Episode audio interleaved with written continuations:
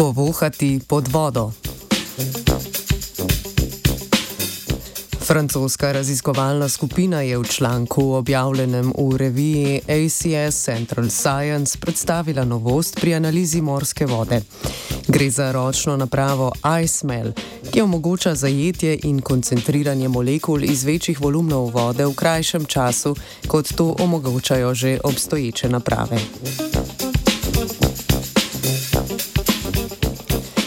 Številni organizmi v morskem okolju v neposredno okolico sproščajo različne presnovne produkte, ki jih imenujemo eksometaboliti.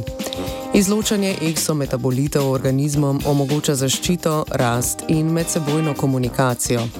Poleg tega delujejo kot nekakšni kemijski podpisi, na podlagi katerih lahko ugotovimo, kateri organizmi se nahajajo v okolici. Analiza kemijske sestave morske vode je sicer zahtevna zaradi prisotnosti veliko različnih molekul, ki so pogosto prisotne le v sledovih.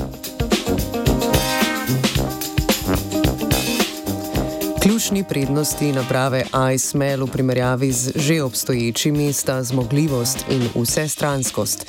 Naprava je primerna za uporabo med potapljanjem v različnih ekosistemih in omogoča koncentriranje 10 litrov vode v 10 minutah. V nasprotju s sorodnimi napravami, ki jih je treba postaviti na ravno podlago v plitvi vodi, je iSmell mogoče uporabiti na različnih globinah in podlagah. Poleg tega pri oduzemu odzorca ne posega v tarčni organizem in omogoča trajnosten način pridobivanja novega znanja tudi o ogroženih vrstah.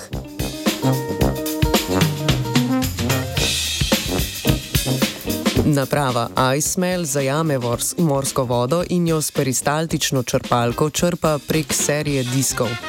Posamezen disk je sestavljen iz plasti steklenih vlaken, ki ob filtraciji zadrži večje delce in plasti divinil benzenovega polimera, na površini katere se zgostijo raztopljene, pretežno nepolarne molekule. Koncentrirane vzorce so v laboratoriju analizirali z masno spektrometrijo in rezultate obdelali z računalniškimi orodji. Rezultati lahko razkrijejo, da nimamo spremembe v metabolizmu, interakcijo med organizmi, njihove selitve in odzive na stres v povezavi z onesnaženjem ali spreminjanjem okolja.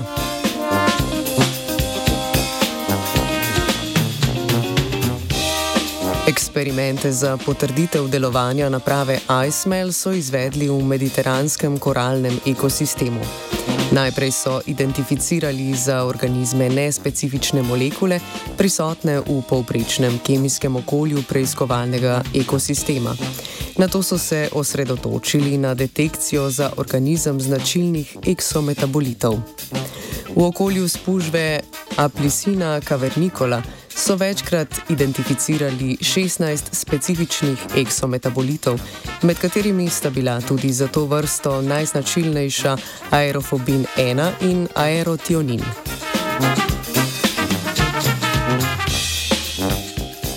Dokaz delovanja iSmell odpira vrata novim raziskavam z področja morske in kemijske ekologije. Poleg tega znanstvenice in znanstveniki napovedujejo izdelavo več različnih izvedb naprave, da bi povečali obseg uporabe. V morske globine se je potopila vajenka Gaja.